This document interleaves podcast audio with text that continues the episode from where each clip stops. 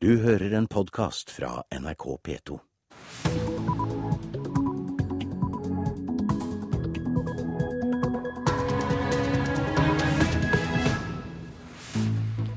Klokka er 6.30, det er torsdag 31. mai, og du hører på P2s Nyhetsmorgen. Jeg heter Hege Holm, og dette er hovedsaker i nyhetene akkurat nå. Høyre, KrF og Venstre presser regjeringen i klimapolitikken. Vi håper regjeringa vil støtte flere av de forslagene, for de vil legge opp til enda større utslippskutt enn det klimameldinga gjorde. Det gjelder særlig innenfor kollektivtrafikk, innenfor jernbane og innenfor energieffektivisering. Det sa Lars Haltbrekken i Naturvernforbundet. Hellas er på konkursens rand. Nå skal norske skattepenger betale grekerne for å sende ut asylsøkere. Og tenåringsdøtrene dånte mens foreldrene fortvilte da Justin Bieber sang for Oslo i går kveld.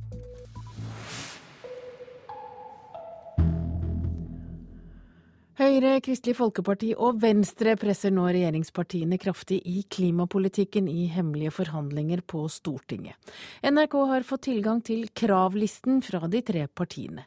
Allerede da klimameldingen kom i april, kritiserte Venstres leder Trine Skei Grande regjeringen.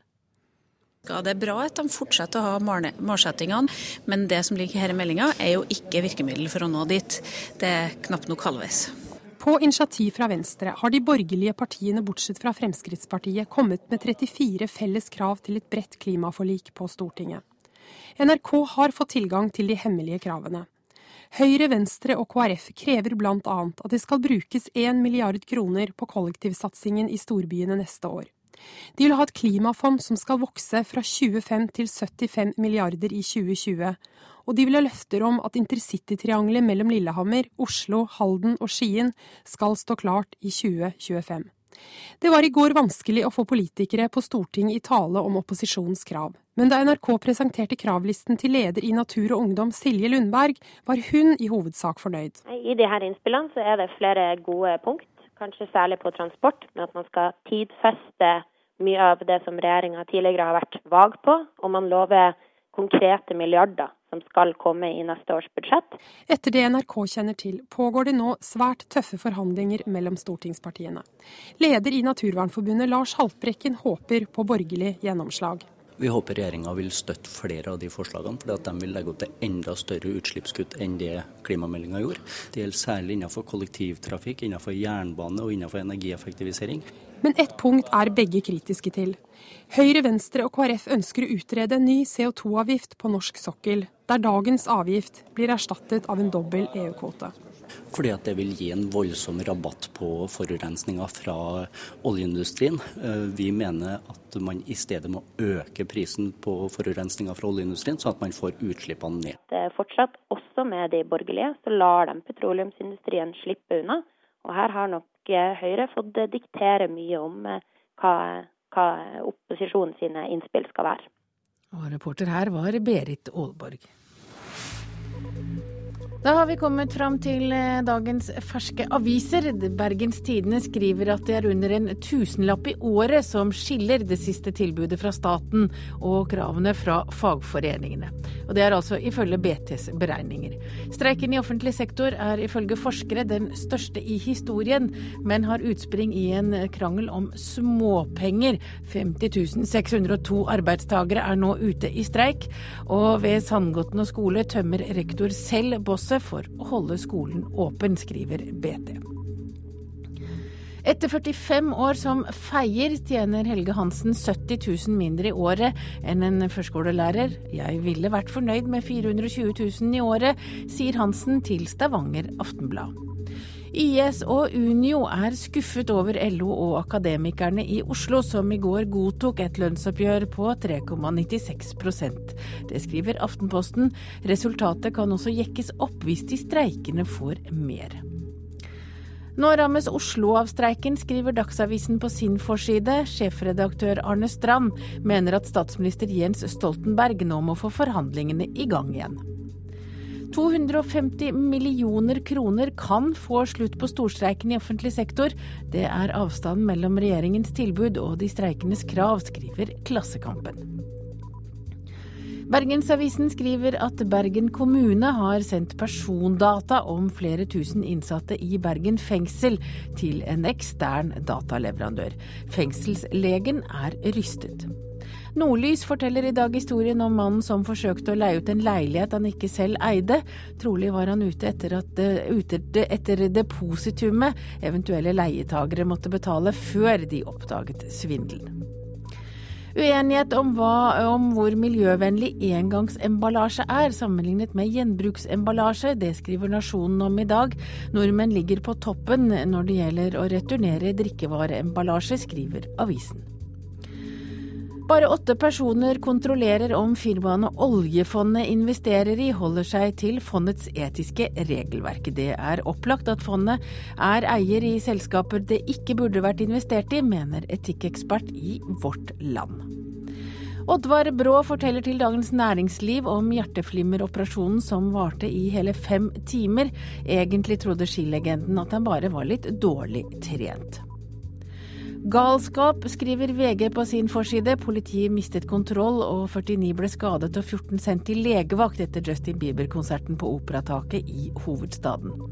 Og i Dagbladet så snakker Justin Bieber ut, og han forteller om hvordan han takler presset. Han sier at han bowler, og så omgir han seg med venner som holder han i ørene og forteller når han gjør noe dumt. Det sier Justin Bieber til Dagbladet.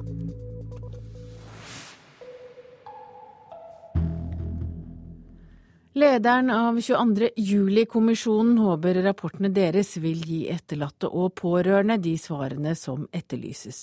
Sist uke ble det munnhuggeri i tingretten da dommeren avbrøt spørsmålene fra etterlatte til politiet. Men kommisjonen har stilt de samme spørsmålene, forsikrer Alexandra Beck Gjørv. Det er klart at eh, alle lurer på om man kunne vært pågrepet raskere, og det er veldig viktig for oss å gi så gode svar som overhodet mulig. Sist fredag ble det amper stemning i sal 250 under utspørringen av politimenn som hadde deltatt i aksjonen mot Utøya. Pårørende ønsket via bistandsadvokatene mer presise svar på hvorfor politiet ikke hadde kommet seg raskere over fjorden. Vanskelig å få tak i det konkrete her, og hvem som ga hvilke ordre og sånne ting. og Det syns jeg man kunne vært mye klarere på. Det ville de sannsynligvis ha vært også hvis de hadde blitt stilt eh, de riktige spørsmålene sa Bjørn Iler, en av de overlevende AUF-ene. Jeg syns i hvert fall at um, det er uh, fryktelig frustrerende å, å, sitte der med spørsmål som vi ikke får svar på. Lederen av 22. juli-kommisjonen sier de har stilt svært detaljerte spørsmål til langt flere politifolk enn de som har vitnet i retten. Vi har jo intervjuet alle de tjenestemenn vi kjenner til som har vært i aksjon i, de i den mest kritiske perioden. Så vi føler at vi har, har dekket det godt. Politifolkene som vitnet sist uke, slet med å tidfeste helt nøyaktig når de hadde gjort hva. Gjørv sier kommisjonen gjør mye for å få klarhet i tidsbruken frem til Breivik ble arrestert. Eh, før jul gikk vi ut og etterlyste film, video, eh, andre viktige tekniske data. Vi har også fremført det i alle fora. At hvis det er noen som har noe som kan henføres til tid, f.eks. telefonlogger er veldig viktig, så, så, bruker vi det for å få så god krysspeiling som mulig på de viktige hendelsene. Bistandsadvokat Mette Yvonne Larsen er glad for den jobben kommisjonen gjør. Men hun føler seg ikke helt trygg på at alle fakta kommer på bordet. Eh, fordi kommisjonen har ikke åpne høringer, så vi vet verken hva som blir spurt om helt detaljert, og hva som blir svart helt detaljert. Er det ikke grunn til å tro at de får frem de riktige tingene? Jeg håper det, men jeg kan ikke ta sjansen på noe i denne saken. Så derfor stiller jeg de spørsmålene så fort jeg har sjansen. Og så er det opp til dommeren, sånn som det var på fredag, å stoppe det hvis hun mener at det ikke er riktig. Nesten 3700 berørte etterlatte og frivillige har svart på spørsmålene som kommisjonen har sendt ut om terrorhandlingene i regjeringskvartalet og på Utøya. Mandag 13.8 overleverer Alexandra Beck Gjørv konklusjonen til statsministeren, før den blir tilgjengelig for alle. Hvis det fortsatt er mange som sitter igjen med spørsmål eh, etter at dere har levert rapporten deres, hva tenker du om det? Nei, er det, jo, det er jo veldig leit, i så fall. Jeg ser at det vil helt sikkert bli mye diskusjon om hvilke temaer vi har valgt ut til å grave oss ned i. At det blir tema, veldig mye temaer om hvilke konklusjoner vi trekker. Hvilke evalueringer vi gjør. Men jeg håper jo at uh, på de områdene vi har jobbet hardt for å beskriver faktum, at folk ser at ja, dette her er så langt det går an å komme. Og hvis ikke, så da er det andre som må svare. Ja, og det sa kommisjonens leder Alexandra Bekkjørv til reporter Merete Jansen. Hellas er på konkursens rand og får stadig kritikk for elendig behandling av asylsøkere. Nå skal norske skattepenger brukes for å hjelpe grekerne. Norge skal betale for at over 700 avviste asylsøkere blir sendt ut av Hellas og tilbake til hjemlandet frivillig. Fra før bruker Norge mange millioner kroner på å ruste opp asylsystemet i Hellas. Demonstrasjoner og uro har preget gatene. Hellas er et land i krise, og for asylsøkere er situasjonen verre enn noensinne. Mange av de eh, bor i parker, lever uten noen form for støtte i det hele tatt, og er en utsatt gruppe. Det sier statssekretær i Justisdepartementet Pål Lønseth. Mange av de som er på flukt, utsettes for vold og trakassering. Nå skal norske EØS-midler finansiere hjemsending av 700 asylsøkere. De ønsker ikke å være i Hellas lenger, de ønsker seg tilbake til sitt hjemland. Og vi ønsker å bidra til det, slik at de slipper å leve under de forhold de nå gjør i Hellas. Norge bidrar i første omgang med rundt 60 millioner kroner til å forbedre forholdene for asylsøkere i Hellas. En del brukes altså til hjemsending. Mesteparten skal imidlertid brukes til asylmottak og saksbehandling og opplegget får ros fra Norsk organisasjon for asylsøkere, NOAS. Først og fremst styrke asylforvaltningen og mottakssystemet, som får den absolutt største potten her. Det er veldig bra. Også, også det at man da gir muligheten for retur til de som har ønsket retur, søkt om retur og ventet lenge på å få returnere. Ja, reporter her var Katrin Hellesnes. I New York er forhandlerne inne i innspurten, de er til og med på overtid før toppmøtet om bærekraftig utvikling i Rio. Og forhandlerne er kommet mye kortere enn planlagt, og toppmøtet står nå i fare. Man kan vel trygt si at det går langsomt fremover. Vi har mye arbeid før vi er der vi bør være når vi kommer til Rio. Sier Harald Neple, som er Norges forhandlingsleder. NRK møter ham i en kort pause utenfor FN-bygget i New York, der byråkratene krangler om agendaen. Eh, vi har tre og en halv dag igjen her nå i Rio, nei, i New York. Og så har vi noen få dager i Rio før politikerne kommer, og da skal de helst ha no, en håndfull vanskelige spørsmål som de skal løse, og vi er langt, langt fra å være der foreløpig. De skulle egentlig ikke ha forhandlet denne uka, men en sluttspurt må til for å nærme seg noe håndfast. Mange spørsmål gjenstår, og landene er ikke engang enige om definisjonene av sentrale temaer som hva grønn økonomi er. Det er bare tre uker til 130 stats- og regjeringssjefer møtes i Brasil. Det er uenighet om veldig mange fordi det er spørsmål, for det er en veldig veldig bred agenda. Når du snakker om bærekraftig utvikling, så snakker du om egentlig hele den økonomiske modellen. Du snakker om Vi har spørsmål om hav, vi har matsikkerhet, vi har energispørsmål. ikke sant? Det er en bred, bred agenda. Det er også diskusjon og uenighet om industrilandene har oppfylt det de signerte på for 20 år siden under det første toppmøtet i Rio om bærekraftig utvikling. Målet med toppmøtet er å treffe nye beslutninger som skal gjøre det bedre for vår og neste generasjon, alt som påvirker utviklingen fra mer fornuftig forbruk og produksjon til å gjøre noe med sosiale problemer og ulikheter. USA er i valgkampmodus og vil ikke påta seg forpliktelser. EU er i en økonomisk krise. 50 000 mennesker er ventet til toppmøtet i Rio. Norge har ikke store forventninger til utfallet, sier forhandlingsleder Harald Neple. Jeg tenker om Rio at Rio er to ting. Rio er selve toppmøtet med agendaen og sluttdokumenter som jeg håper vil bringe verden videre. Men i tillegg så er Rio en enorm møteplass. Det kommer 50 000 mennesker her. Vi kan jobbe på siden med viktige norske initiativer som Energi Pluss. Så det er mye mye mer enn akkurat det som skjer i, i forhandlingsrommet. Og Det tror jeg er viktig å få frem, for det, er ikke sånn at vi vel fra norsk side har de høyeste forventningene til hva som blir utfallet. Tror du det blir en signering av en protokoll eller en avtale? Jeg tror det blir et sluttdokument, det gjør jeg. Eh, hvor langt det blir og hvor ambisiøst det blir, det har jeg ingen formening om foreløpig. Og man ser ikke allerede framover mot eh, Rio 40?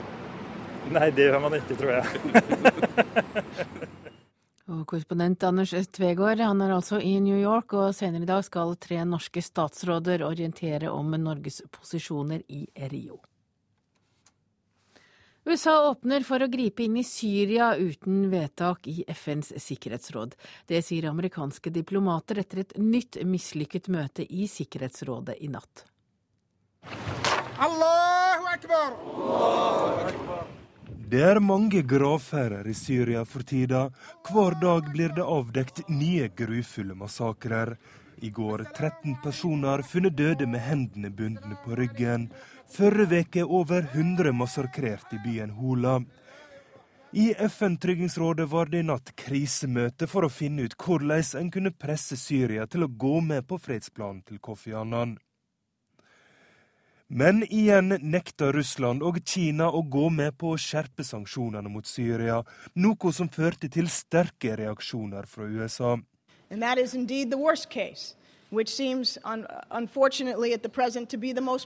Hvis vi ikke blir samlet i Tryggingsrådet, kan det føre til en uhåndterlig konflikt i Midtøsten, og da kan vi erklære annen plan som død, sa USAs FN-ambassadør Susan Rice etter møtet. Are left with uh, the option only of having to consider whether they're pre prepared to take actions outside of hvis dette skjer, har vi bare ett valg. Da må vi vurdere om vi er villige til å gripe inn i Syria uten å involvere Tryggingsrådet.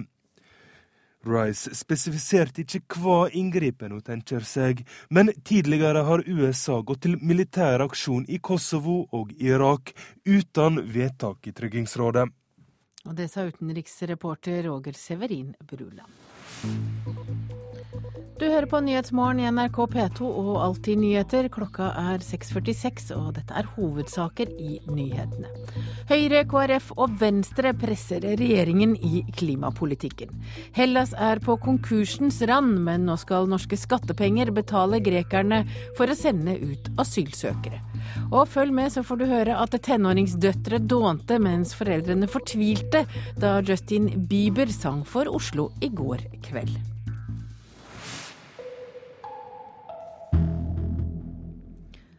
Landslagskaptein Brede Hangeland er misfornøyd med sin gamle klubb Viking, som sliter tungt i Eliteserien. Nå murres det i Stavanger, og mange mener Åge Hareide bør trekke seg som trener. Hangeland er uenig. Jeg kommer fra Stavanger og har spilt fem år for Viking, så jeg ønsker jo at, at de skal gjøre det godt. I likhet med, med alle andre i Stavanger. Så, så det, det, er kjedelig at, at det stanger stang ut og ikke stang inn for øyeblikk, men uh, la oss håpe at det snur. Vi fremstår eh, dårlig. Det toppet seg på mandag da Viking tapte mot nedrykkstruede Fredrikstad. Viking ligger nå på tiendeplass. Det har bare blitt fire seire denne sesongen, mens de har tapt seks kamper. Hareide sa til NRK etter kampen at spillerne ikke viser tøff nok innstilling. Vi eh, fremstår eh, tafatt. Vi, eh, vi, må stille spørsmål om, om det betyr nok for, eh, for alle våre spillere å, å, vinne fotballkamper. Hangeland tror ikke det er riktig vei å sparke Hareide. Hareide kan snu den negative trenden. Ja, Det tror jeg. Jeg har veldig god erfaring med Åge. og... Eh, og han gjorde en, en, god jobb som landslagstrener, så da bør han jo kunne gjøre det i Viking òg. Jeg føler sett fra utsiden at alt ligger til rette for at Viking skal være en toppklubb, men, eh, men det ser ut som år på år at, eh, at noe går galt. Så, men akkurat hva det er, det skal ikke jeg stå og spekulere i når jeg, når jeg bare ser det gjennom media. Reporter her var Pål Thomassen. Byrådslederen i Oslo varsler oppvask etter gårsdagens gratiskonsert på Operataket. 49 ble skadet og 14 ble sendt til legevakten, det skriver VG Nett. Etter uutholdelig venting og dagevis med hemmelighetskremmeri, så sang altså tenåringsidolet Justin Bieber foran fansen. 20 000 ungdommer tok hylen imot popprinsen, men mens tenåringsdøtrene jublet, slaktet fortvilte foreldre arrangementet for sviktende sikkerhet, utsettelser og manglende informasjon informasjon.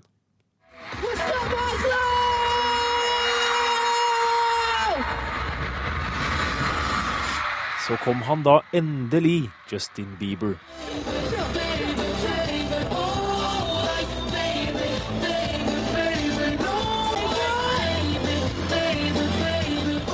Politiet anslår at opp mot 20 000 fans var der da popprinsen gikk om bord på den flytende scenen foran Operataket i nitiden i går kveld.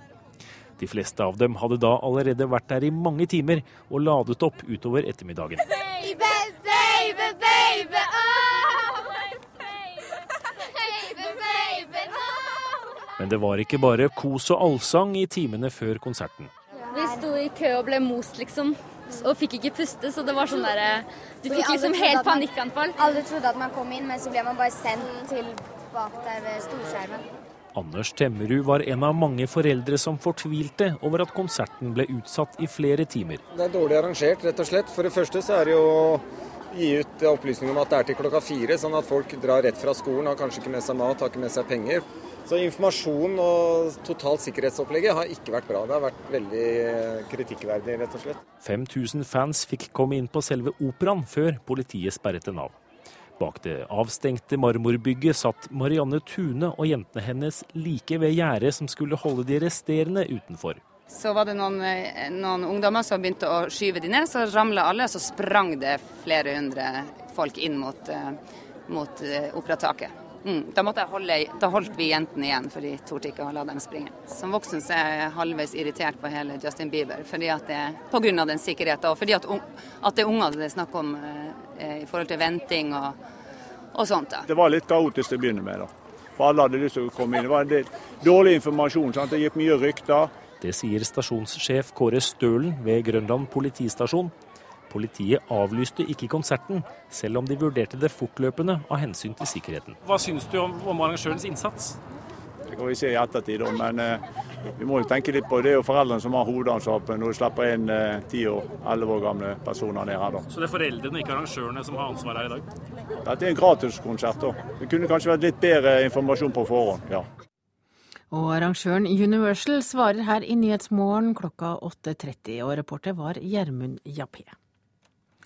Og Movement Strategies er et selskap som jobber for å legge planer for håndtering av store menneskemengder. Blant annet har de jobbet med muslimene i Mekka og London-OL, og her hjemme med store musikkfestivaler. Og daglig leder Jørgen Aas, eh, når du hører om det kaoset her, du hører ungdom forteller at de sto i kø og ble most, og flere hundre mennesker løp inn på området. Hva tenker du da?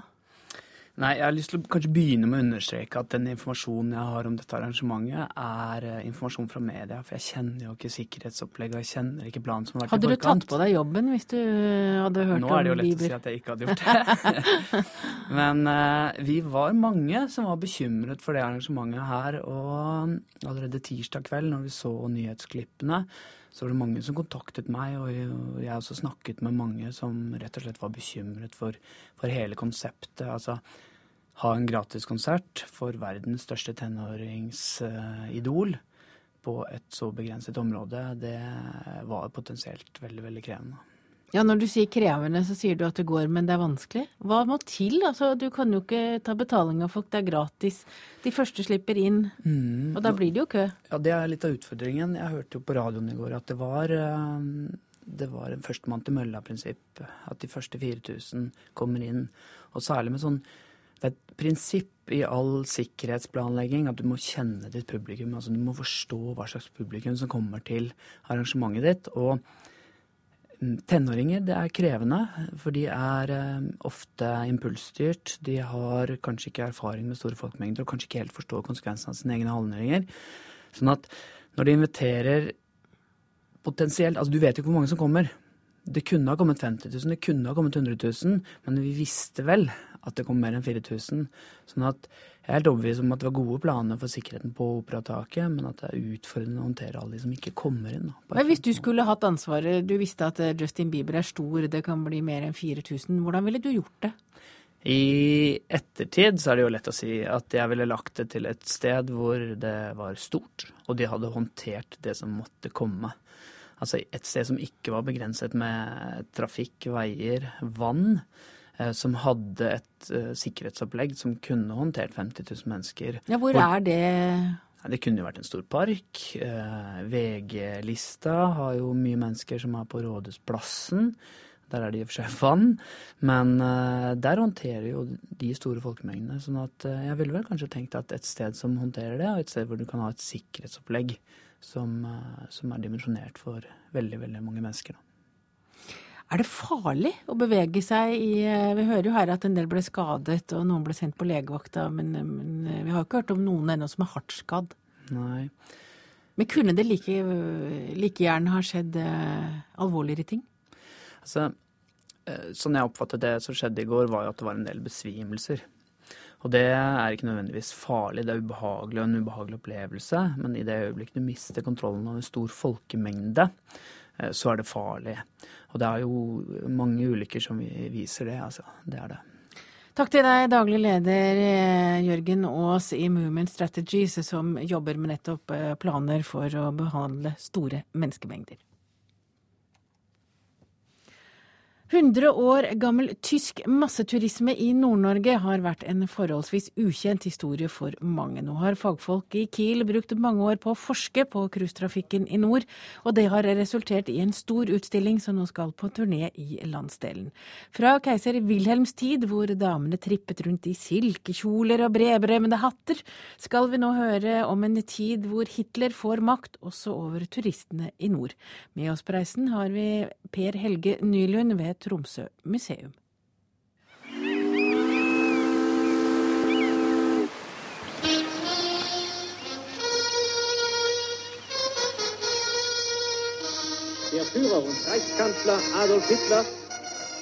ting endrer seg i Tyskland. Sant? Det nazistiske styret tar over.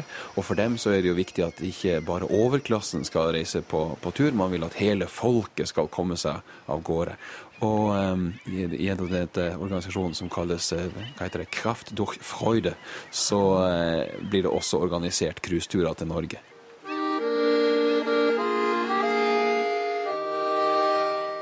Sie sind Samen genannt, die sind die Ureinwohner Norwegens. Og så blir det hele organisert litt mer sånn effektivt. Det blir ganske styrt, tror jeg, hva passasjerene får oppleve. Det finnes guidebøker, og det blir holdt foredrag om bord der man forteller om, om disse staute ariske menneskene i Norge. Men passasjerene får ikke lov til å gå på land.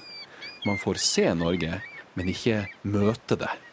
For da kunne kanskje reaksjonene ha blitt litt annerledes. Så det er en merkelig sånn eh, effektivitet rundt det hele, der man seiler ut, og så er det en fem-seks dager på cruise og ser norske fjorder og får høre en tysk, skal vi si, regissert versjon.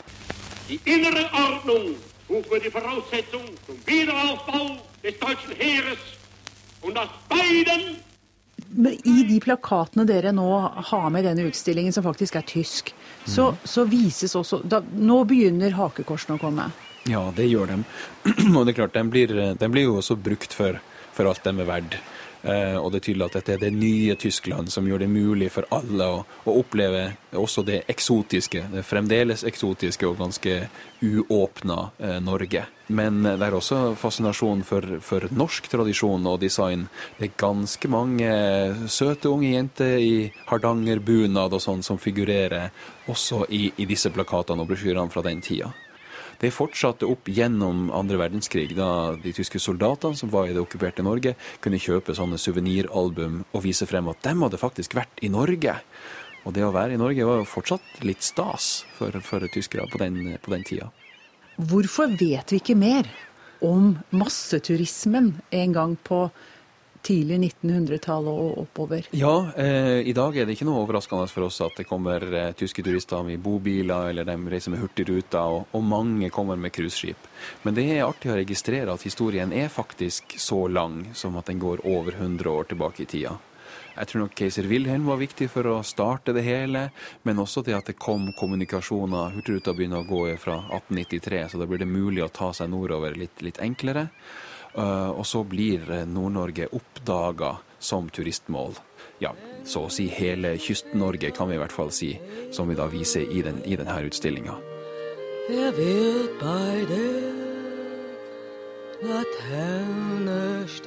Og reporter var Kristine Østfold. Og da har vi kommet fram til et værvarsel som gjelder til midnatt. Fordi værvarslingen i Oslo og på Vestlandet er i streik, uteblir altså varselet fra disse landsdelene. Men i Nordland, der ventes det skiftende bris, av og til nordlig frisk bris, enkelte regnbyger og sluddbyger, snøbyger i høyere strøk og perioder med sol.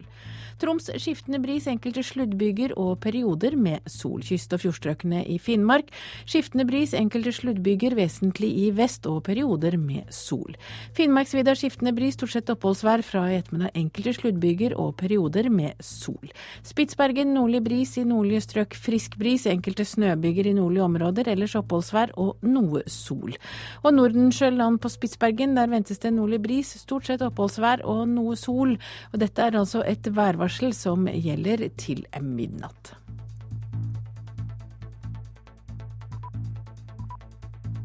Du hører en podkast fra NRK P2.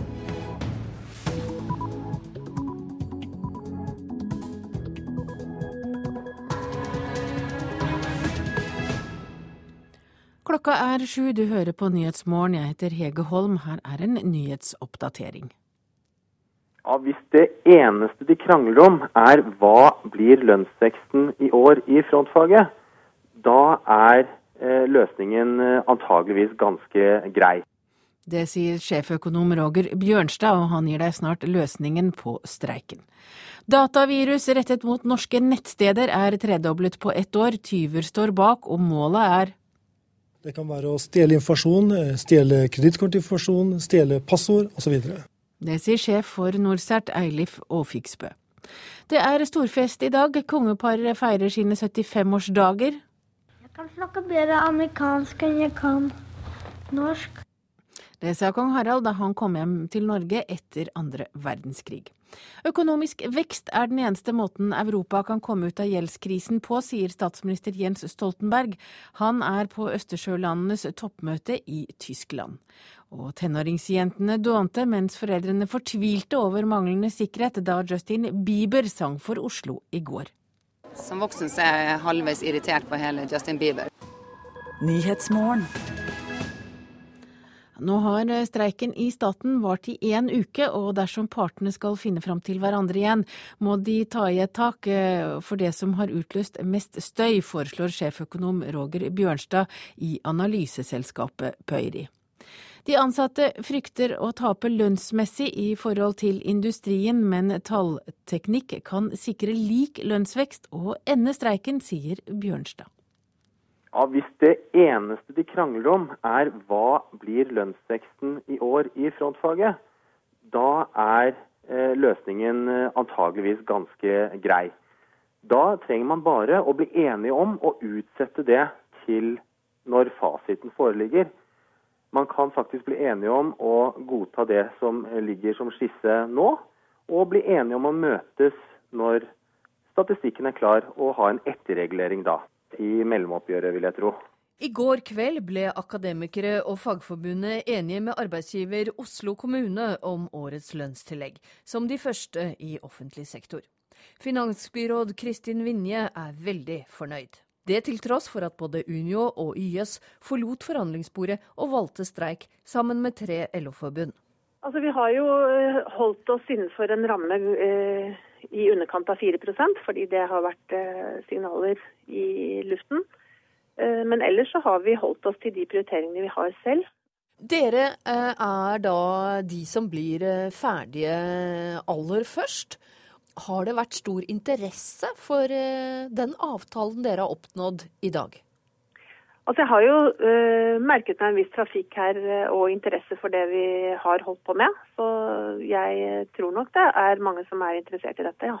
Lønnsekspert Roger Bjørnstad i Pøyri tror enigheten i Oslo både kan irritere og glede dem som er uenige i offentlig sektor. De streikende i stat og kommuner. På den ene siden så kan det være et signaleffekt om at uh, 3,96 eller nær 4% er greit. Men på den annen side så kan måten denne enigheten kom i stand på, eh, provosere til å holde på lenger.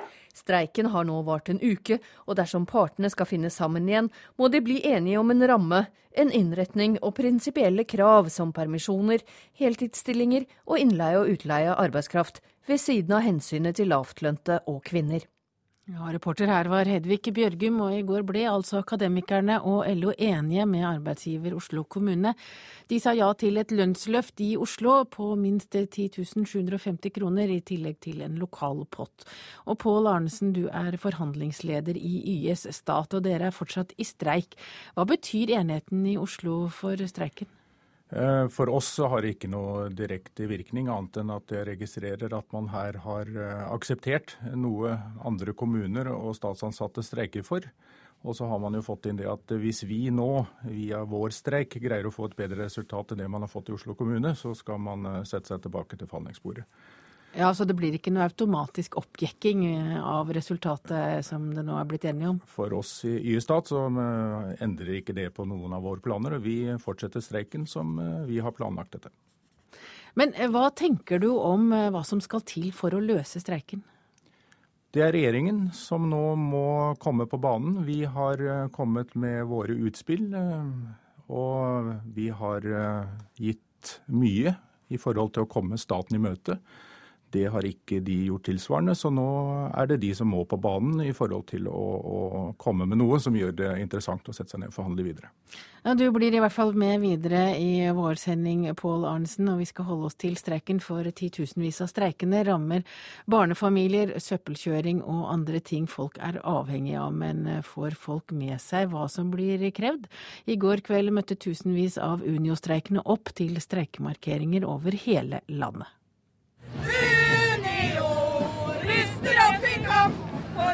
Med kamprop, trommer og store plakater marsjerte mange tusen Unio-streikende i går kveld opp Karl Johan mot Universitetsplassen.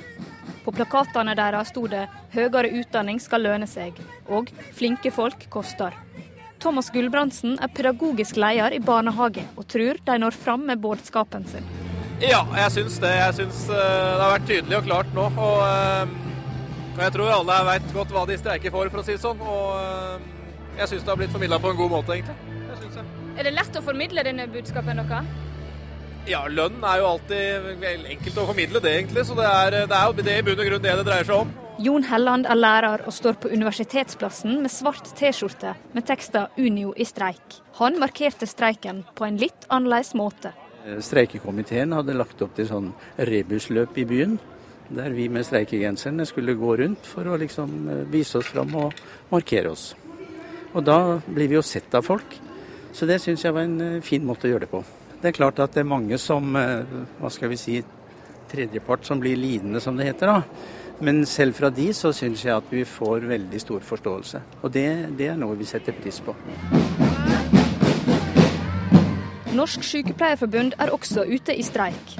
De møtte opp i gammeldagse sykepleieruniformer og sto i ring og spilte på trommer, med hovedtillitsvalgt i Buskerud, Gro Lisbeth Preus, i spissen. Hun mener at denne måten å streike på gir resultat. Som vi akkurat hørte her i appellene, så er det syv av ti som mener at vi har en grunn til å streike og er enige med oss. sånn at vi føler vi blir møtt med masse sympati ute. Og når vi har streikevakter, så stopper folk. Og de er, selv om det er klart det er en vanskelig hverdag for mange, men allikevel så har vi støtte. Så vi føler at vi blir hørt. Her hører vi en streikevilje som fortsatt er på topp. Reporter var Katrine Nybø. Og med oss i studio har vi også retoriker og lektor ved Markedshøgskolen, Kjell Terje Ringdal. Og ja, du har til og med sagt at det, det lukter litt mugg du av de streikendes kommunikasjon. Du mener den er dårlig og mangelfull? Jeg syns den er litt uh, alderstegen i formen. Uh, dette, Men det er jo ikke enkelt det de holder på med heller? Ikke er det enkelt. og Knut og jeg har snakket sammen før vi gikk i studio her, og jeg har stor og inderlig forståelse for at dette slett ikke er lett. Men uh, mine observasjoner på byvandring i går var litt for mange slitne hvite plastikkstoler med livsfjerne blikk og litt trøtte streikevakter.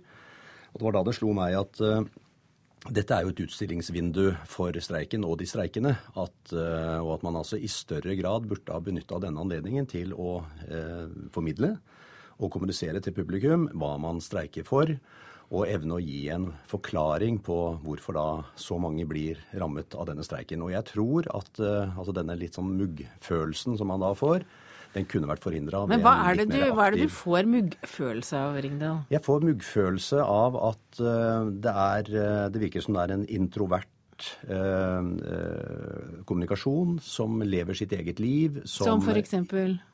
Ja, det er en språkbruk. Det er en manglende evne til å komme ut til de som blir rammet. Eh, jeg har gjort en liten opplisting av, av de ord og de begrepene som brukes.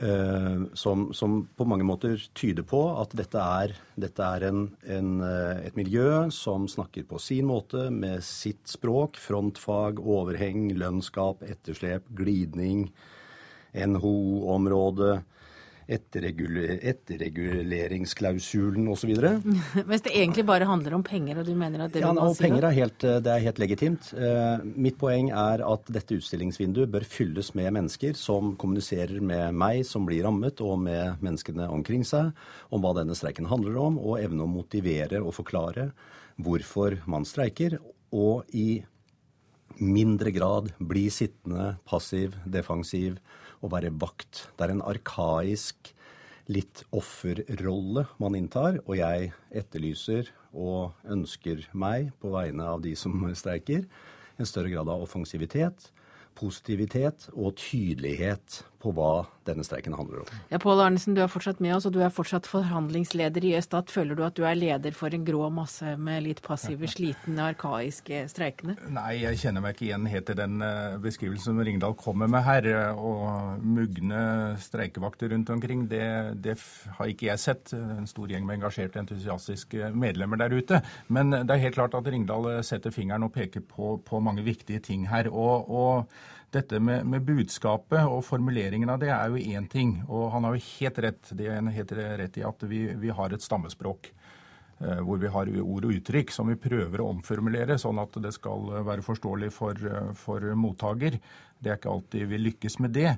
Men det som er, er utfordringen vår, er jo at vi har ulike grupper vi skal eh, kommunisere med. Den første perioden etter vi går i streik, så er det først og fremst medlemmene og arbeidsgiver. vi Er ute Men er du sikker på at de forstår hva dere sier når dere snakker om lønnsglidning og frontfag og, og overheng? Jeg håper iallfall arbeidsgiver skjønner det, og jeg tror også de fleste av medlemmene våre er innforstått med, med mye av, av, dette. Men det er klart at eh, etter hvert som, som dagene går og nå når vi er kommet inn i denne fasen, hvor etter hvert også ikke, kan si belastningen ikke bare på de streikende, men også på befolkningen, som får konsekvenser av dette tett innpå seg, så er det klart at eh, vi nå vil vri kommunikasjonen i, i større grad til å være rettet mot eh, den norske befolkning. Og selvsagt også arbeidsgiver. Eh, medlemsinformasjon osv. vil vi da bruke også andre kanaler på. Men Ringdal, hvordan skal de få fram budskapet? Det er jo mer penger de i bunn og grunn vil ha. Ja. Burde vise sultne kommunale ja. Og nett, nettopp fordi uh, dette handler om sympati, nettopp fordi offentlig sektor har det ved seg at man uh, altså, i mye større grad rammer tredjepart uh, enn man rammer arbeidsgiver, så er det desto større ja, når rottene begynner å krype rundt og søppelet flyter, så kreves det Ja, og nettopp derfor så er det viktig at de som eh, tar, eh, som tar disse gruppene ut i streik, evner å eh, forklare meg og opinionen betydningen og viktigheten av dette. Har du tips? Jeg tror rett og slett på Altså kommunikasjon betyr å gjøre felles. Jeg, jeg tror på språk, på det å snakke, på det å lage aktiviteter, på det å forberede en streik lang tid i forveien lage informasjonsmateriell. Eh, Men nå er de der, Ringdal? Ja, eh, de, de, er der, og de må snakke med meg. De må motivere. De må fortelle meg hvorfor de gjør dette, og eh, gjøre meg i stand til å akseptere at disse gruppene er i streik. Og Pål Arnesen, forhandlingsleder i Østat, han nikker. Takk til dere. Titusenvis av strekkene, de har vi allerede hørt om. Nå skal vi høre om nettsider og datavirus. For datavirus rettet mot norske nettsteder er tredoblet på ett år. Det viser tall fra Nasjonal sikkerhetsmyndighet. Trusselen øker stadig, sier sjef for Norcert, Eilif Ofiksbø, og målet er å lure deg for penger. Det kan være å ta rest i filer, dvs. Si kryptere filer, slik at du må betale løsepenger. Det kan være å stjele informasjon, eh, stjele kredittkortinformasjon, stjele passord osv. Sjef for Norsert Eiliv Ofiksbø forteller om noe av det virusene kan gjøre med dataen din. Han står foran en vegg av skjermer i det nye cybersenteret til Norsert. Her skal de prøve å stoppe disse datavirusene, og nå har de fått mye å gjøre. Trusselen er absolutt økende. Eh, det må vi kunne slå fast. Virusinfiserte nettsider kan gjøre dataen din tilgjengelig for kriminelle kun ved at du besøker disse stedene. Eiliv Ofiksbø sier trusselen er alvorlig. Den er alvorlig fordi omfanget er stort. Eh, den utnytter at eh, kompetansen hos alle si, borgerne våre kanskje ikke er like høy. og det vil si at det er større sjanse for å lykkes. Hvem er det som står bak? Ja, hvem som står bak, eh, det blir litt spekulasjon. Det vi kan si, er at iallfall i disse sakene så synes som det er folk som har si, motivasjon for økonomisk vinning, som står bak. Sjef for nettstedet skisporet.no, Anders Bjørnsgaard, hadde fortvilende dager i april. Da opplevde han at reklameannonsene på deres side spredte et såkalt løsepengevirus til tilfeldige som var innom. De fikk da sine filer eh, kryptert og ble, fikk en beskjed om å betale løspenger eh, ja, for å si, få, få åpna filene igjen. Da. Det er hendelser som dette og mye forsøk på å stjele nettbankopplysninger som ofte skjer. Kort sagt datakriminelle som ønsker å tjene penger. Ofiksbø sier vi alle må ta ansvar. Og dette går jo på, egentlig på alle ledd i kjeden. Eh, vi trenger brukere som blir eh, oppmerksomme brukere, som er flinke til å varsle. Og vi trenger at eh, offentlige og private aktører samarbeider, slik at informasjonen om angrepene blir kjent for alle, og slik at vi felles kan, kan møte den trusselen. Hvordan beskytter man seg selv? Det viktigste man kan gjøre som, som, enkeltperson, er å sørge for at maskinen sin er oppdatert. At programvare som du kjører på maskinen din, er oppdatert. Og reporter her var Ellen Borge Christoffersen. Klokka er 7.15, du hører på Nyhetsmorgen i NRK P2, og dette er hovedsaker. De statsansatte frykter for å tape lønnsmessig i forhold til industrien, men tallteknikk kan sikre lønnsvekst og ende streiken, mener sjeføkonom. Og som vi hørte, datavirus rettet mot norske nettsteder er tredoblet på ett år. Trusselen øker stadig, og målet er å lure folk for penger. Og følg oss videre. Kongen og dronningen har vært kjærester i over 50 år, og i dag feirer de 75-årsdagen.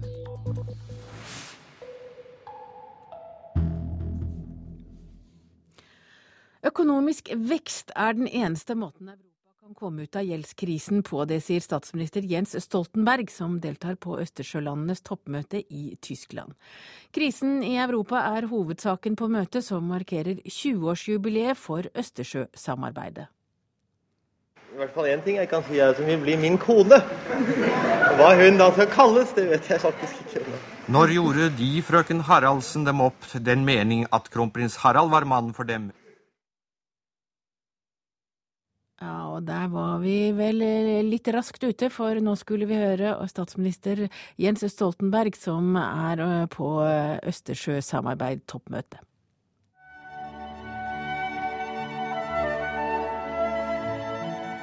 Unge filharmonikere fra de baltiske land sto for den kulturelle rammen da landene i Østersjørådet kom sammen til toppmøte her i den nordtyske byen Stralsund i går kveld.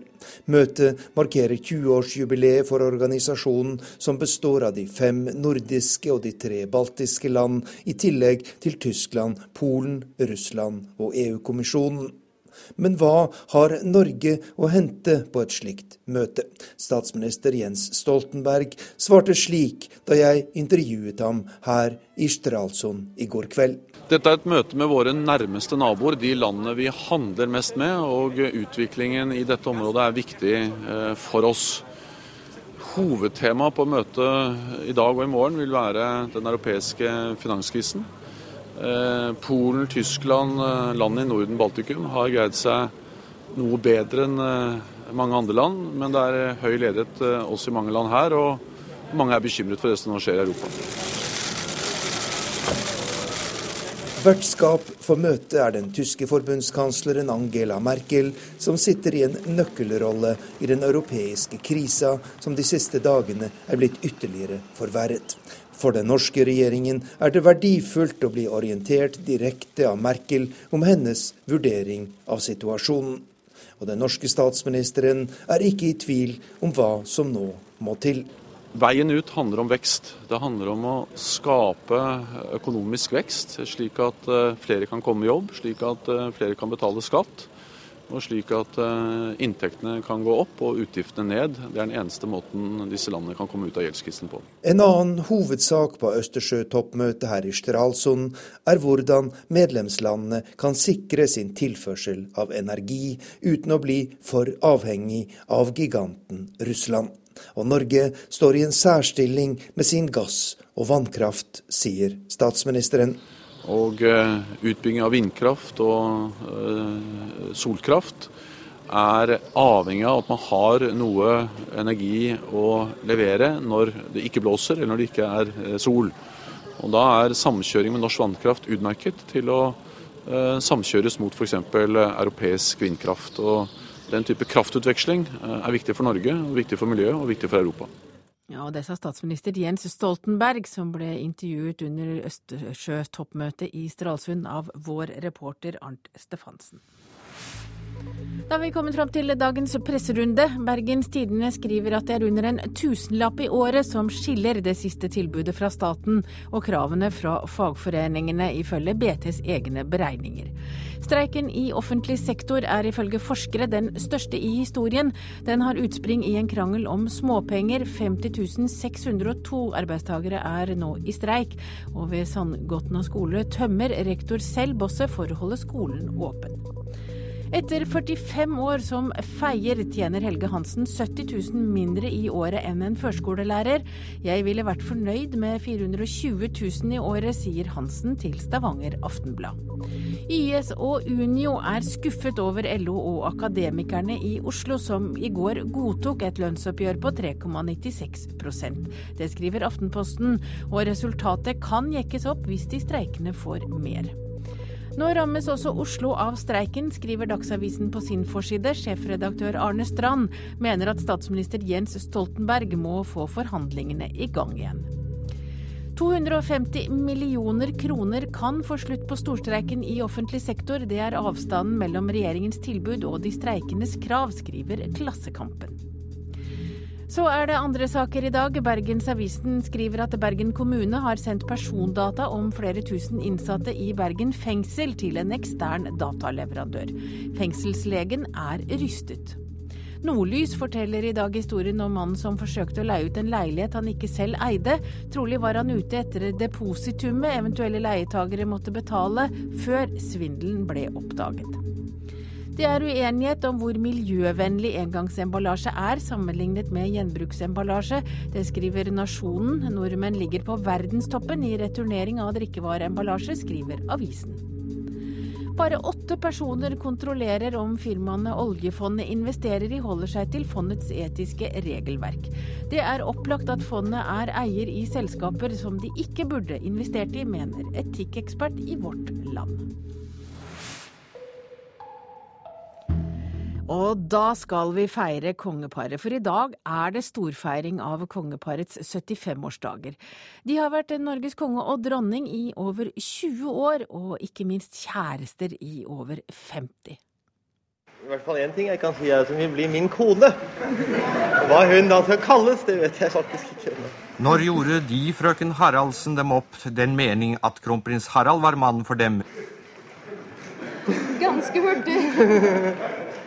Ja, det er kong Harald du hører fnise i dette opptaket fra 1968. At vi var glad i hverandre, det var liksom Et forelska par har akkurat kunngjort si truloving i den lille festsalen på Slottet. Begge smiler fra øre til øre rundt ei bugnade av blomster. Paret har venta på denne dagen i ni år. Av og til har det virket håpløst. For den gang var det nesten uhørt at en kronprins gifta seg med ei ikke-kongeleg. Men kronprinsen sa klart ifra. Han kom ikke til å gifte seg om han ikke fikk Sonja Haraldsen. Så i august 1968 ble det bryllup. Jeg syns det er veldig koselig. Veldig hyggelig. Han fortjener å få Sonja nå. Gjør han det? Absolutt, ja. Han har ventet så lenge, så det var tide sa folk som hadde møtt opp på Slottsplassen for å få et glimt av brudeparet. Og siden har paret reist rundt i inn- og utland for å representere Norge. I 1971 kom prinsesse Märtha Louise til verden. Har kronprinsessen ennå selv vært med på å stelle? Vel ikke helt alene, det må jeg innrømme. To år etter kom kronprins Haakon. I 1991 ble paret signa i Nidarosdomen som Norges kongepar. Gi vår konge å leve sammen med sitt folk i frihet og fred. fra den dagen Norges konge og dronning både på solskinnsdager og de aller mørkeste dagene.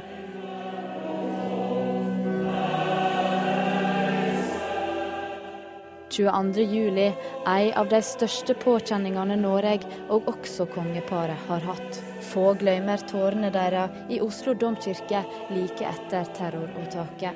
Begge sørger de med det norske folk. Som far, bestefar og ektefelle kan jeg bare ane noe av deres smerte. Som landets konge føler jeg med hver og en av dere med folket, men også sammen har kongeparet delt både gode og vanskelige stunder. Da de feira 40 års bryllupsdag, sa kongen følgende om dronninga si. Jeg var jo eh, Jeg var, tror jeg, faktisk en helt annen person da vi giftet oss enn det jeg er nå. Jeg, er nok, jeg var eh, mye mer innesluttet, og jeg var sjenert. Og, og det er Med hennes hjelp så har jeg kommet litt ut av det, da. Og i dag blir det bursdagsfest for 75-åringene. Regjeringa inviterer til feiring på Operataket i kveld, der de som vil kan møte opp og synge bursdagssang. Og på dagen festgudstjeneste i Oslo domkirke og drillframsyning på Slottsplassen. Ja, Det var litt av programmet for dagens feiring. Reporter her var Eirin Årdal og sosiolog og kongeekspert Hedvig Skånoft Johannessen. I dag feirer vi altså Norges kongepar, og hvordan kan vi karakterisere paret? Vi må jo si at dette er et kongepar som er avholdt eh, av befolkninga. De står jo sterkere kanskje noensinne. Eh, og de framstår jo også som par, så framstår de også ganske som forskjellige. Altså, Kongen han er, eh, han er, høyt elsket og beundret av folket. Kanskje både, både fordi at han, han, er litt Han er humoristisk, men samtidig framstår som litt han, han, setter seg litt tilbake og slipper folk til. Eh, og er kanskje no, i noen sammenhenger nesten litt sånn keitete. Eh, men likevel så, så, virker han sterk, eh, og han har stått opp for mange marginaliserte grupper. Innvandrere, samer osv. Eh, og han også virker som når han møter folk i virkelige livet, så, så lytter han og engasjerer seg. Men Sonja er jo mer eh, opptatt av kunst og eh, kultur og gå på tur i fjell og har andre interesser. Ja, Sonja er nok eh, både beundret og respektert, men kanskje ikke elsket på samme måte. Nettopp fordi at hun framstår som litt mer noe mer distansert. Og fordi at hun fremdeles da er preget av en del sånn kanskje vestkantkoder, rett og slett. Men likevel så er hun en av grunnene til at hun er så respektert, er jo det at hun har bidratt til å modernisere kongehuset. Det kan ikke ha vært lett å komme inn som kronprinsesse der i 1968, for det tror jeg var en veldig maskulin dominert organisasjon.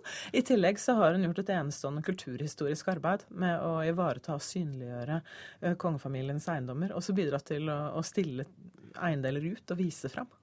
Nå tar vi det jo nesten som gitt at kongelige kan gifte seg i kjærlighet, men i 1968, som vi hørte, så var ikke det akkurat like vanlig.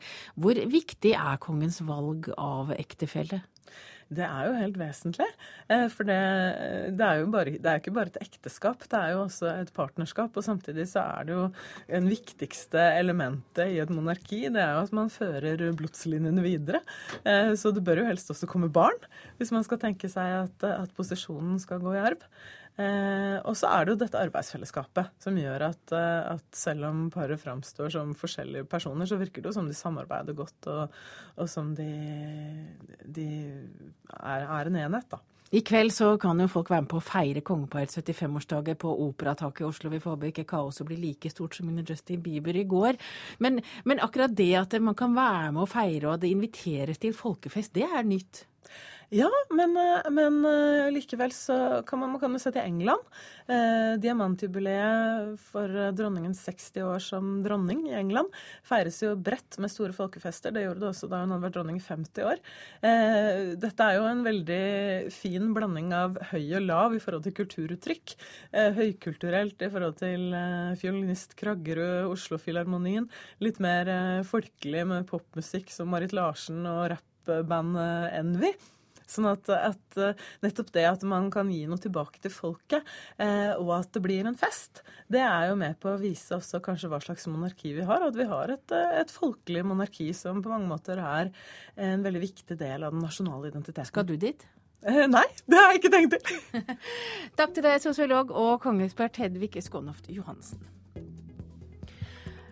Klokka er øyeblikkelig halv åtte. Det er tid for nyheter. I den neste halvtimen får du Dagsnytt ved Anne Skårseth. Dagens utenriksreportasje tar oss med til irene til folkeavstemning om EUs finanspakt. Og i Politiske kvarter skal det handle om barn på flukt og hemmelige klimaforhandlinger på Stortinget. Produsent for Nyhetsmorgen er Ragnhild Bjørge. Jeg heter Hege Holm. Har du tips eller kommentarer, er vår adresse nyhetsmorgen krøllalfa nrk.no.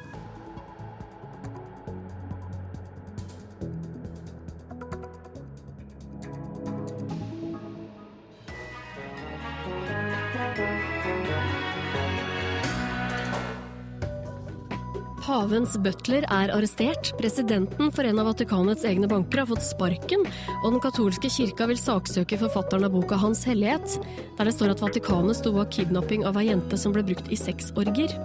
Hva skjer i den katolske kirkas mektige sentrum? Det spør vi om i Radioselskapet klokka 11.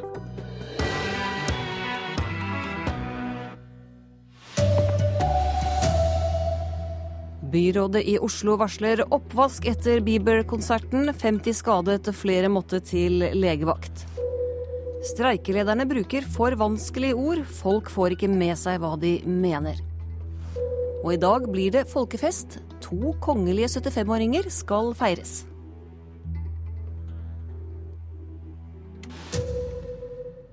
Her er NRK Dagsnytt. Klokka er 7.30. Byrådet i Oslo varsler oppvaskmøte etter gratiskonserten med Justin Bieber i går. Etter mye hemmelighetskremmeri sang Bieber til slutt for fansen sin på Operataket, men før det var det kaos. Mer enn 20 000 tenåringsjenter samlet seg i sentrum.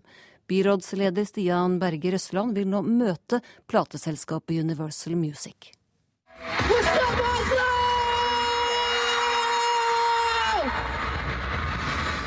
Det var kaoslignende tilstander da tenåringsidolet Justin Bieber endelig spilte i Oslo i går. Baby, oh, baby, baby, oh. Vi sto i kø og ble most, liksom. Og fikk ikke puste, så det var sånn derre Du fikk liksom helt panikkanfall. Nå varsler byrådsleder i Oslo, Stian Berge Røsland, oppvaskmøte med arrangørene. Dette kunne gått fryktelig galt, eh, og her må vi ha en gjennomgang for å finne ut hvor det sviktet. Nei, altså Byrådslederen får gjøre hva han vil. Sier direktør i Universal Music, Petter Sigsås. Vi prøvde å tilby Oslo kanskje et av de største eh, eventer i, i, en by i verden i går. Og det er synd hvis Oslo skal være kritisk til det. Ser du at dere kunne gjort noe annerledes? sånn sett i altså, jeg må, jeg må, Det må jeg ta med de som er, har vært ansvarlige for dette her sammen med oss, altså de som har vært ansvarlige for sikkerheten. Så må vi spørre det og så videre, og da må vi være ansvarlig for det. Dette er vårt ansvar til syvende og sist, men vi driver personene, eller i vårt selskap driver ikke med sikkerheten. De tjenestene vi har tatt, har tjenester for andre. Så både politi da, og sikkerhetsselskapet må svare på de spørsmålene ordentlig. Og så får vi være klar til å ta den eventuelle kritikk som vi må ta i det. Men det er viktig for meg å si at det er ingen som ikke har vært opptatt av dette underveis. Reporter Ole Marius Rørstad. Fagforeningslederne uttaler seg så krøkkete at budskapet forsvinner. Det mener retoriker Kjell Terje Ringdal. Han er oppgitt over uttrykk som glidning, frontfag og tariffområde. Unio ruster opp til kamp, for tilbudet var skammelig et ordentlig overtramp. Klar tale fra gårsdagens streikemarkering i Oslo. Beløpet de fikk tilbud om, var for lite. Men toppene i fagforeningene er ikke like flinke, ifølge retoriker Kjell Terje Ringdal. Jeg får problemer når jeg hører frontfag, overheng, lønnsgap, etterslep, glidning, NHO-området, etterreguleringsklausulen og tariffområdet. Da blir jeg sliten, og jeg blir usikker på hva de egentlig mener. Særlig ble Ringdal forundret over LO-sjefen i går. Når jeg da hører Roar Flåten i dag si Ja, si det på en annen måte. De etter min oppfatning har vært vel kniende og lagt seg i nedre del av intervallet. I forhold til hva man eh, kan se at eh, glidningen vil bli i frontfaget. Jeg har en mastergrad i retorikk, og jeg kjente at jeg holdt på å kjøre av veien da jeg hørte han si det. Der skal jeg gi han helt rett. Forhandlingslederen for YS Stat, Pål Arnesen, innrømmer at språket de bruker ikke er lett. Men han bedyrer at de nå legger om strategien. Nå har vi jo brukt førstetiden tiden først og fremst på å få ut budskapet til medlemmene, og ikke minst også i forhold til arbeidsgiver. Nå er jo befolkningen, norske folk, blir jo hovedmottaker snakker videre. Og det er klart at da må vi andre, andre ord til. Og de ordene ble kanskje klarest uttrykt på grasrotnivå i går, fra barnehagelederen Thomas Gulbrandsen. Jeg syns det er feil at vi får en lavere prosentvis eh, lønnsøkning enn i privat sektor. Reportere Katrine Nybø og Fredrik Lauritsen. Høyre, KrF og Venstre presser regjeringen kraftig i klimapolitikken i hemmelige forhandlinger på Stortinget. NRK har fått tilgang til kravlisten, som er de tre opposisjonspartienes svar på regjeringens klimamelding som kom i april. Allerede da mente Venstres leder Trine Skei Grande at regjeringen ikke hadde tiltak som gjorde at Norge når klimamålene. Det som ligger her i meldinga er jo ikke virkemiddel for å nå dit. Det er knapt nok halvveis. På initiativ fra Venstre har de borgerlige partiene, bortsett fra Fremskrittspartiet, kommet med 34 felles krav til et bredt klimaforlik på Stortinget. Høyre, Venstre og KrF krever bl.a. at det skal brukes 1 milliard kroner på kollektivsatsingen i storbyene neste år. De vil ha et klimafond som skal vokse fra 25 til 75 milliarder i 2020. Og de vil ha løfter om at intercitytriangelet mellom Lillehammer, Oslo, Halden og Skien skal stå klart i 2025. Det var i går vanskelig å få politikere på Stortinget i tale om opposisjonens krav. Men da NRK presenterte kravlisten til leder i Natur og Ungdom, Silje Lundberg, var hun i hovedsak fornøyd. Flere gode punkt, kanskje særlig på transport, med at man skal tidfeste mye av det som regjeringa tidligere har vært vag på, og man lover konkrete milliarder som skal komme i neste års budsjett. Etter det NRK kjenner til, pågår det nå svært tøffe forhandlinger mellom stortingspartiene. Leder i Naturvernforbundet Lars Haltbrekken håper på borgerlig gjennomslag. Vi håper regjeringa vil støtte flere av de forslagene, fordi at de vil legge opp til enda større utslippskutt enn det klimameldinga gjorde. Det gjelder særlig innenfor kollektivtrafikk, innenfor jernbane og innenfor energieffektivisering. Reporter her Berit Strøyer Aalborg. Israel krever mer handling mot regimet i Syria etter massakren i Hola. Forsvarsminister Ehud Barak sier at dette er forbrytelser mot menneskeheten, og at verden må tvinges til å gå til aksjon. Barak sier at det israelske forsvaret gjør forberedelser langs grensen mot Syria i tilfelle Assad-regimet skulle bryte sammen. Trusselen fra kriminelle som vil tjene på norske nettsider øker. Det sier Nasjonal sikkerhetsmyndighet som legger fram sin årsrapport i dag. Siden i fjor har det vært en tredobling av datavirusangrep mot nettsteder. Det sier Eilif Aaviksbø, sjef for Norcert, som overvåker datatrafikken i Norge. Trusselen er absolutt økende. Den kan være å ta rest i filer, dvs. Si kryptere filer, slik at du må betale løsepenger. Det kan være å stjele informasjon, eh, stjele kredittkortinformasjon, stjele passord osv. Sjef for Norsert Eiliv Ofiksbø forteller om noe av det virusene kan gjøre med dataen din. Han står foran en vegg av skjermer i det nye cybersenteret til Norsert. Her skal de prøve å stoppe disse datavirusene, og nå har de fått mye å gjøre. Det har blitt flere angrep enn vi har hatt tidligere, at vi ser en økende trend. Reporter Ellen Borge Christoffersen. I dag er det folkefest for kongeparet. Begge fyller 75 år i år. De har vært Norges konge og dronning i over 20 år, og ikke minst kjærester i over 50 år. Jeg syns de er to herlige mennesker. Tre gamle damer snakker om paret de har fulgt gjennom alle år kongeparet.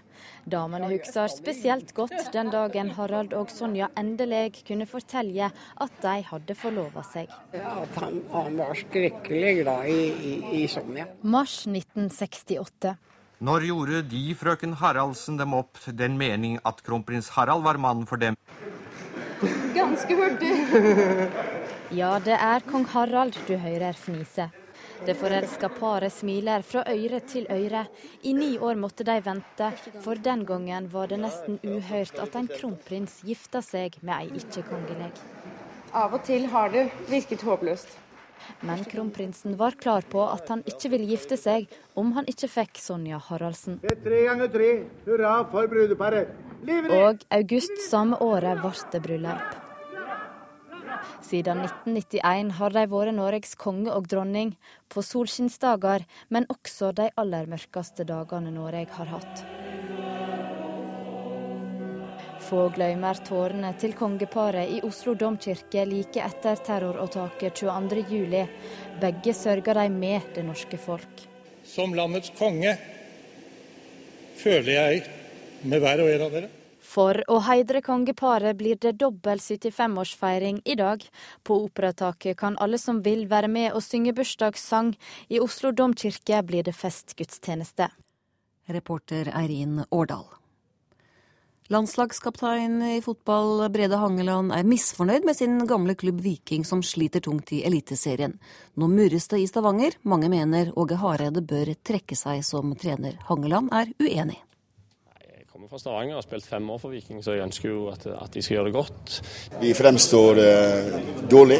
Det toppet seg på mandag da Viking tapte mot nedrykkstruede Fredrikstad. Hangeland tror ikke det er riktig vei å sparke Hareide. Hareide kan snu den negative trenden. Ja, det tror jeg. Jeg har veldig gode erfaringer med Åge. og... Eh, og han gjorde en, en, god jobb som landslagstrener, så da bør han jo kunne gjøre det i Viking òg. Jeg føler sett fra utsiden at alt ligger til rette for at Viking skal være en toppklubb, men, eh, men det ser ut som år på år at, at noe går galt. Reporter Pål Thomassen. Ansvarlig for sendingen Arild Svalbjørg, teknisk ansvarlig Hanne Lunås, i studio Anne Skårseth. Du hører på P2s Nyhetsmorgen. Klokka er 7.40, og vi skal til Irland, der irene i dag går til folkeavstemning om EUs finanspakt. Avtalen innebærer en strengere budsjettdisiplin og en styrking av den felles økonomiske politikken i eurosonen. Og kriserammede Irland er det eneste landet som ratifiserer avtalen ved hjelp av folkets røst. Det har vært uker med hektisk politisk aktivitet på den grønne øya. Begge sider har slåss om stemmene. Nei eller ja til EUs finanspakt.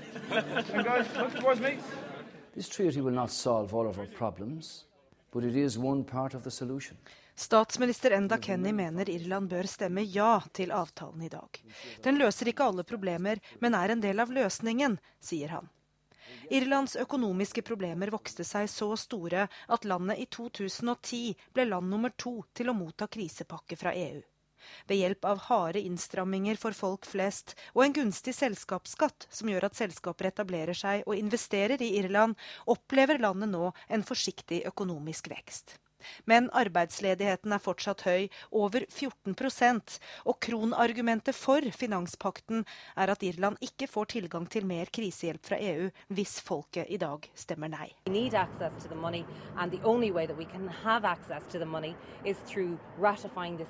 If we do not uh, vote yes, we legally cannot access money from the ESM. Og ja-siden leder på meningsmålingene. Det ligger an til seier for tyskernes Angela Merkel, for analytikerne mener at et ja fra det irske folk vil tale til fordel for hennes innsparingsprogram og være en viktig motvekt mot den nye franske presidentens ønske om kursendring. Men selv om ja-siden leder i Irland, har det eneste store partiet som argumenterer mot avtalen, vokst kraftig gjennom valgkampen. Sinn Fein ligger nå på rekordhøye 21% oppslutning, hvilket gjør IRAs politiske fløy til det nest mest populære partiet i Irland. Og leder Jerry Adams har selv deltatt i valgkampen is in getting people to vote yes. And if the people democratically decide to vote another way, the government haven't even contemplated Regjeringen har ikke tatt høyde for et nei-resultat, sier Adams. Det irske folk har en tradisjon for å stemme ned EU-avtaler. I 2001 sa de nei til NIS-traktaten, og i 2008 til Lisboa-traktaten. Begge ganger tvang de daværende regjeringer likevel gjennom et ja. Den sist publiserte meningsmålingen gir ja-siden 39% nei-siden 30 og hele 31% som ikke har bestemt seg, altså hver tredje velger. Når resultatet av irenes folkeavstemning i dag blir klart i morgen, vil det først og fremst få betydning for Irland. Selv om det også sender et viktig signal til de andre EU-landene, er det bare krav om at tolv av EU-landene ratifiserer avtalen før den settes i verk. Storbritannia og Tsjekkia er de eneste som til nå ikke er med. Irland er på vei opp av nedgangstidene. Men som statsminister Enda Kenny sier, det er lang vei igjen å gå. We made en god start, to go. I acknowledge that some of the measures we've had to take have been painful for many people. But it is clear that the sacrifices that everyone is making are starting to make a difference. Ja, og her sa altså Enda Kenny, som er den irske statsministeren, at de ofrene folk har gjort, begynner nå å vise resultater. Og det var korrespondent Gry Blekastad Almås som hadde sett nærmere på den irske folkeavstemningen. Klokka er 7.44, dette er hovedsaker i nyhetene akkurat nå. Streikelederne uttaler seg så krøkkete at budskapet forsvinner, mener retoriker. Datavirus rettet mot norske nettsteder er tredoblet på ett år, og byrådet i Oslo varsler oppvask etter Justin Bieber-konserten i går. Og da har vi kommet fram til Politiske kvarter her i Petos Nyhetsmorgen, og der har du samlet partiene som kjemper asylbarnas sak, Håvard Grønli. SV mener de nå har bedra situasjonen for asylbarna. Venstre og KrF er ikke like sikre.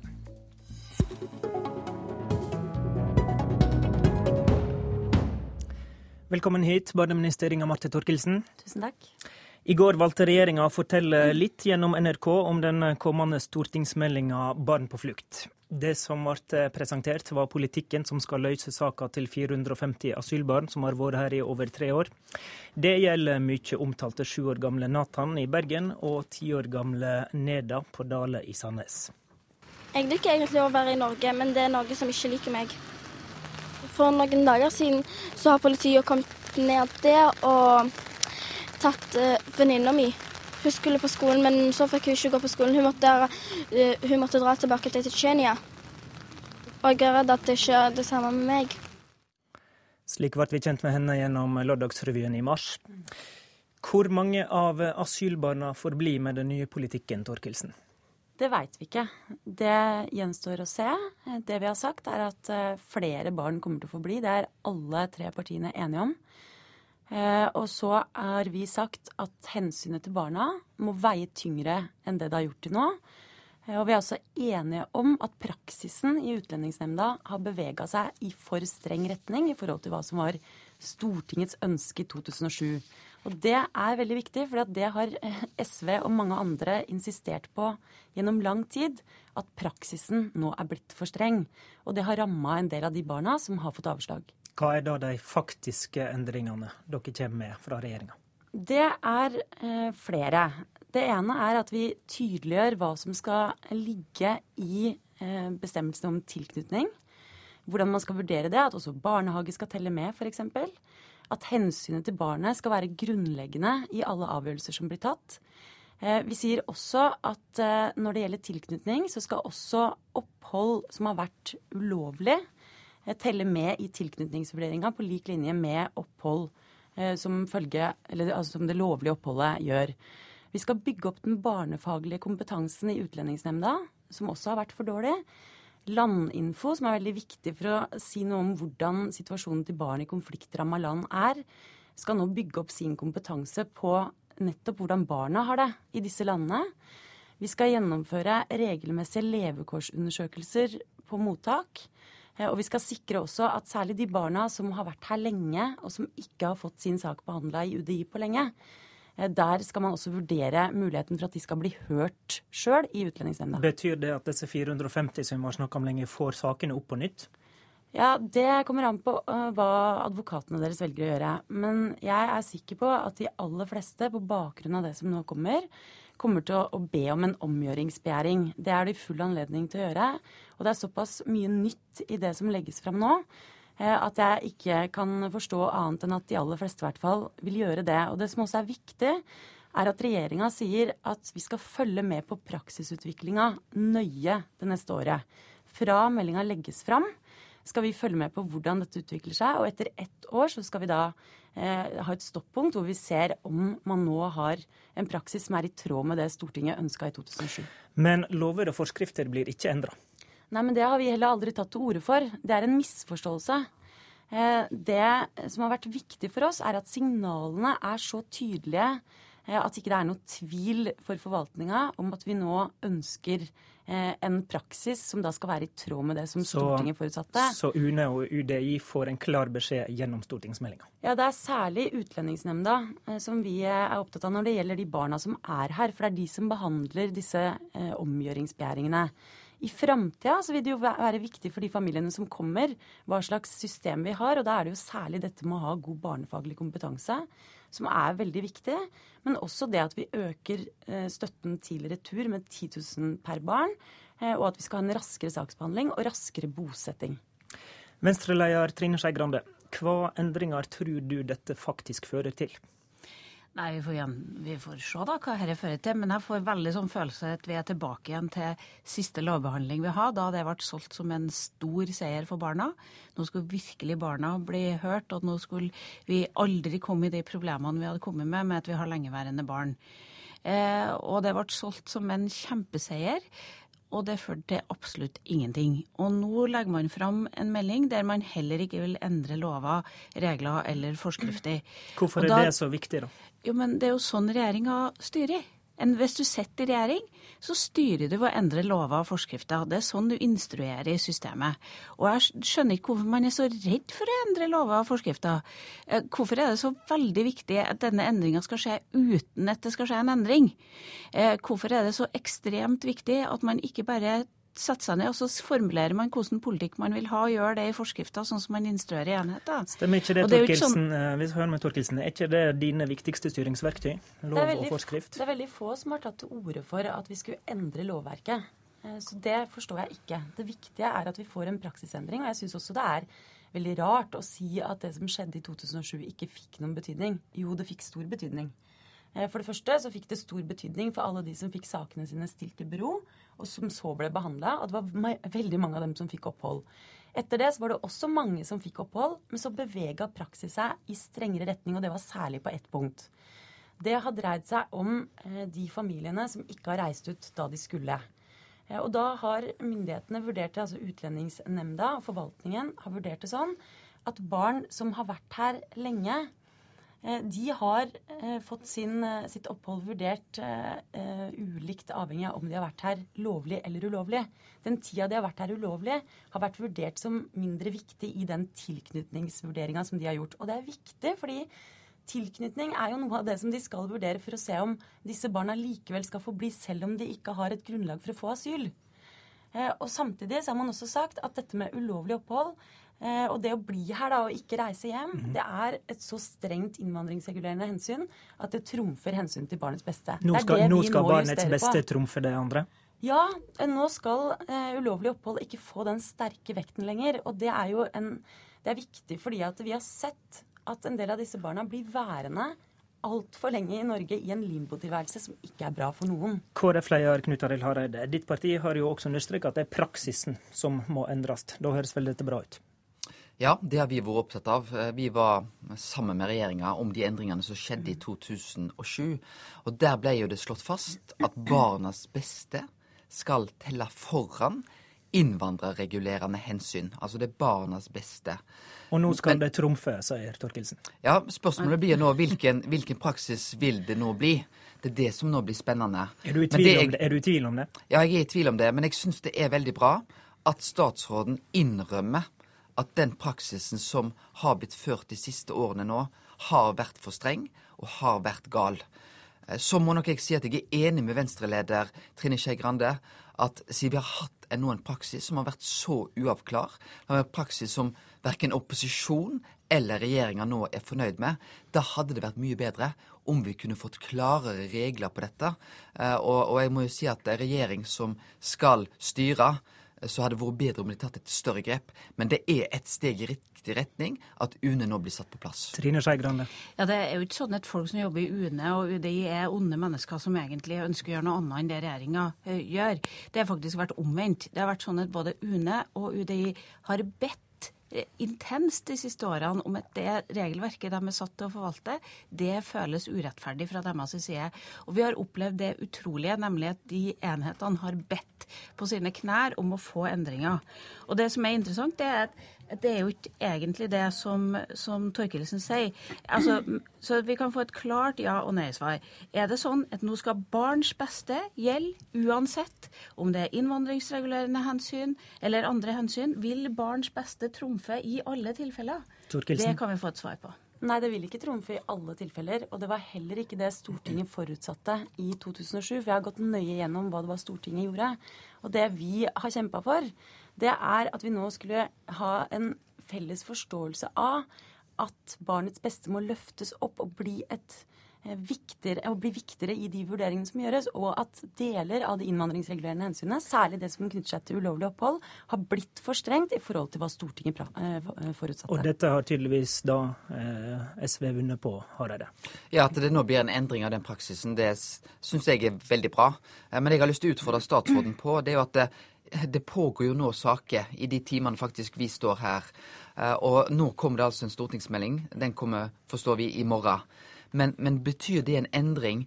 Bør ikke nå de sakene som ligger, eh, bli stående i bero?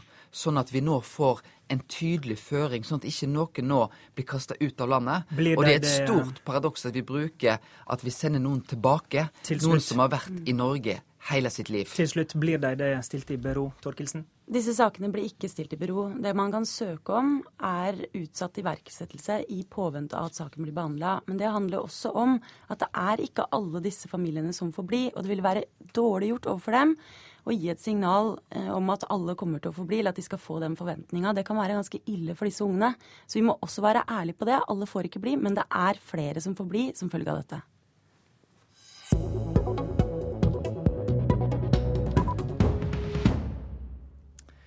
Høyre, KrF og Venstre presser regjeringspartiene kraftig i klimapolitikken.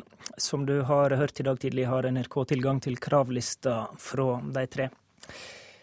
Trine Skei Grande, er målet med forhandlingene nå å presse regjeringa i mer klimavennlig retning? Venstre har ett mål med forhandlingene, og det er at vi skal klare å bli enige flest mulig og få til best mulig. og Derfor vil ikke jeg si noe om dette. Jeg misliker sterkt at NRK sitter på dette. Knut Arild Hareide. Ja, jeg er helt enig i det Trine Skei Grande sier. Denne stortingsmeldingen ligger nå i Stortinget. Eh, Det er en dialog. Eh, Det er konstruktivt, men jeg vil ikke si noe utover det. Da vender vi oss til politisk reporter Berit Aalborg. På hva område ønsker Høyre, KrF og Venstre å gå lenger enn regjeringa gjorde i sin klimamelding? Ja, De går lenger i sine klimakrav på ganske mange områder. Et eksempel er at mens regjeringa i år har bevilget 300 millioner til en eh, belønningsordning til storbyene for kollektivtiltak, så vil de borgerlige ha en milliard i 2013. De stiller krav til at intercitytriangelet skal stå ferdig i eh, 2025, og det har ikke regjeringen villet tidfeste. Og de vil ha et klimafond som skal bygges om og økes til 75 milliarder i 2020. Og det er betydelig mer enn det regjeringen vil bruke på dette. Eh, De har også flere andre veldig konkrete klimakrav som går lenger enn regjeringens klimamelding som ble lagt frem i april. Kan eh, opposisjonen få med seg regjeringspartiet på tiltak som regjeringa ikke sjøl hadde skissert i klimameldinga? Altså Regjeringspartiene de har valgt å forhandle med opposisjonen etter at de har sett kravene fra de tre borgerlige partiene. Så et, et eller annet forhandlingsrom må det åpenbart ligge her. Men etter det vi kjenner til, så er det eh, tøft både for Arbeiderpartiet og SV at Høyre nå eh, har blitt med på mer eh, radikale klimakrav enn det SV har greid å få med Arbeiderpartiet på. Så om det blir en, et klimaforlik, det er fortsatt vanskelig å si. De som forhandler i energi- og miljøkomiteen vil altså ikke snakke med NRK om dette nå, men eh, nestleder Ketil Solvik-Olsen i Frp, du var klimapolitisk talsmann med førre klimaforlik i 2008, det forliket som Frp sto utenfor. Jobber Frp for å være med denne gangen? Ja, og det ønsket vi jo òg forrige gang, men da ble vi holdt utenfor. De ønsket ikke at vi skulle få være med og forhandle engang. Vi er derfor veldig glad for at vi nå får være med på forhandlingene. Og jeg tror vi kan gi et veldig godt bidrag i å få et bedre klimaforlik enn sist. Både fordi at det kan bli mer jordnært, dagens klimaforlik er jo urealistisk å innfri, og fordi at vi kan få vekk litt av skal vi kalle det utskuddene i regjeringens klimapolitikk, en del av de tingene som bare øker kostnadene for vanlige folk. Og så skal vi heller få en tiltak som bedrer konkurranseevnen til norsk industri, bedre infrastrukturen i landet og, og den type ting. Hva synes du om kravlista fra de tre andre opposisjonspartiene? Ja, Ut fra det som NRK melder, så syns jeg det er mye der som er veldig positivt. Det å framskynde intercitytriangelet rundt Oslo, det er jo kjempebra. Det er jo i tråd med det Frp ønsker. Det er jo at det skal stå ferdig i 2025 istedenfor 2043 vil jo være veldig bra for samfunnsøkonomisk lønnsomhet i prosjektet. Men det gjør jo òg at du må finansiere vei- og jernbaneutbygging på en annen måte. Skal Høyre, KrF og Venstre kunne gjennomføre dette, så skal du altså ha en bevilgning til jernbaneinvesteringer som mer enn dobles i forhold til i dag. Det får du ikke til innenfor dagens handlingsregel. så Det betyr òg at Høyre må begynne å diskutere handlingsregelen på en annen måte enn det de har gjort så langt. Hva synes du om at kravlista ble laga uten Frp med, da? Ja, Det er vi veldig skuffa over. Vi hadde trodd at vi skulle få til godt borgerlig samarbeid på, på, på klimapolitikken så går de altså videre uten oss, uten å snakke om oss engang. Og det syns vi er trist. Derfor har vi levert inn vår egen kravliste på minst like mange punkter. Og veldig mange av punktene har vi mye til felles med de borgerlige, men òg noen punkter så syns vi at vi har mye bedre krav. Og Det gjør at vi får en, en god diskusjon i, i energi- og miljøkomiteen, jeg er sikker på om hvordan en skal få til dette. Så spørs det jo om de rød-grønne har noe å bevege seg på. Vi vet jo at de har strekt seg langt internt for å hele tatt finne et kompromiss. Til slutt, eh, mener du det er realisme i den kravlista fra de tre andre, eller er dette bare å plage regjeringa? Nei, Ut fra det som ligger på NRK, så er det mer realisme denne gangen sist. Sist så hadde de mange tiltak som umulig kunne innfris. Disse tiltakene her, hvis du endrer handlingsregelen, så vil eh, flere av de kunne innfris, og det er positivt. Det var Politisk kvarter i dag. I studio, Håvard Grønli. Du har hørt en podkast fra NRK P2.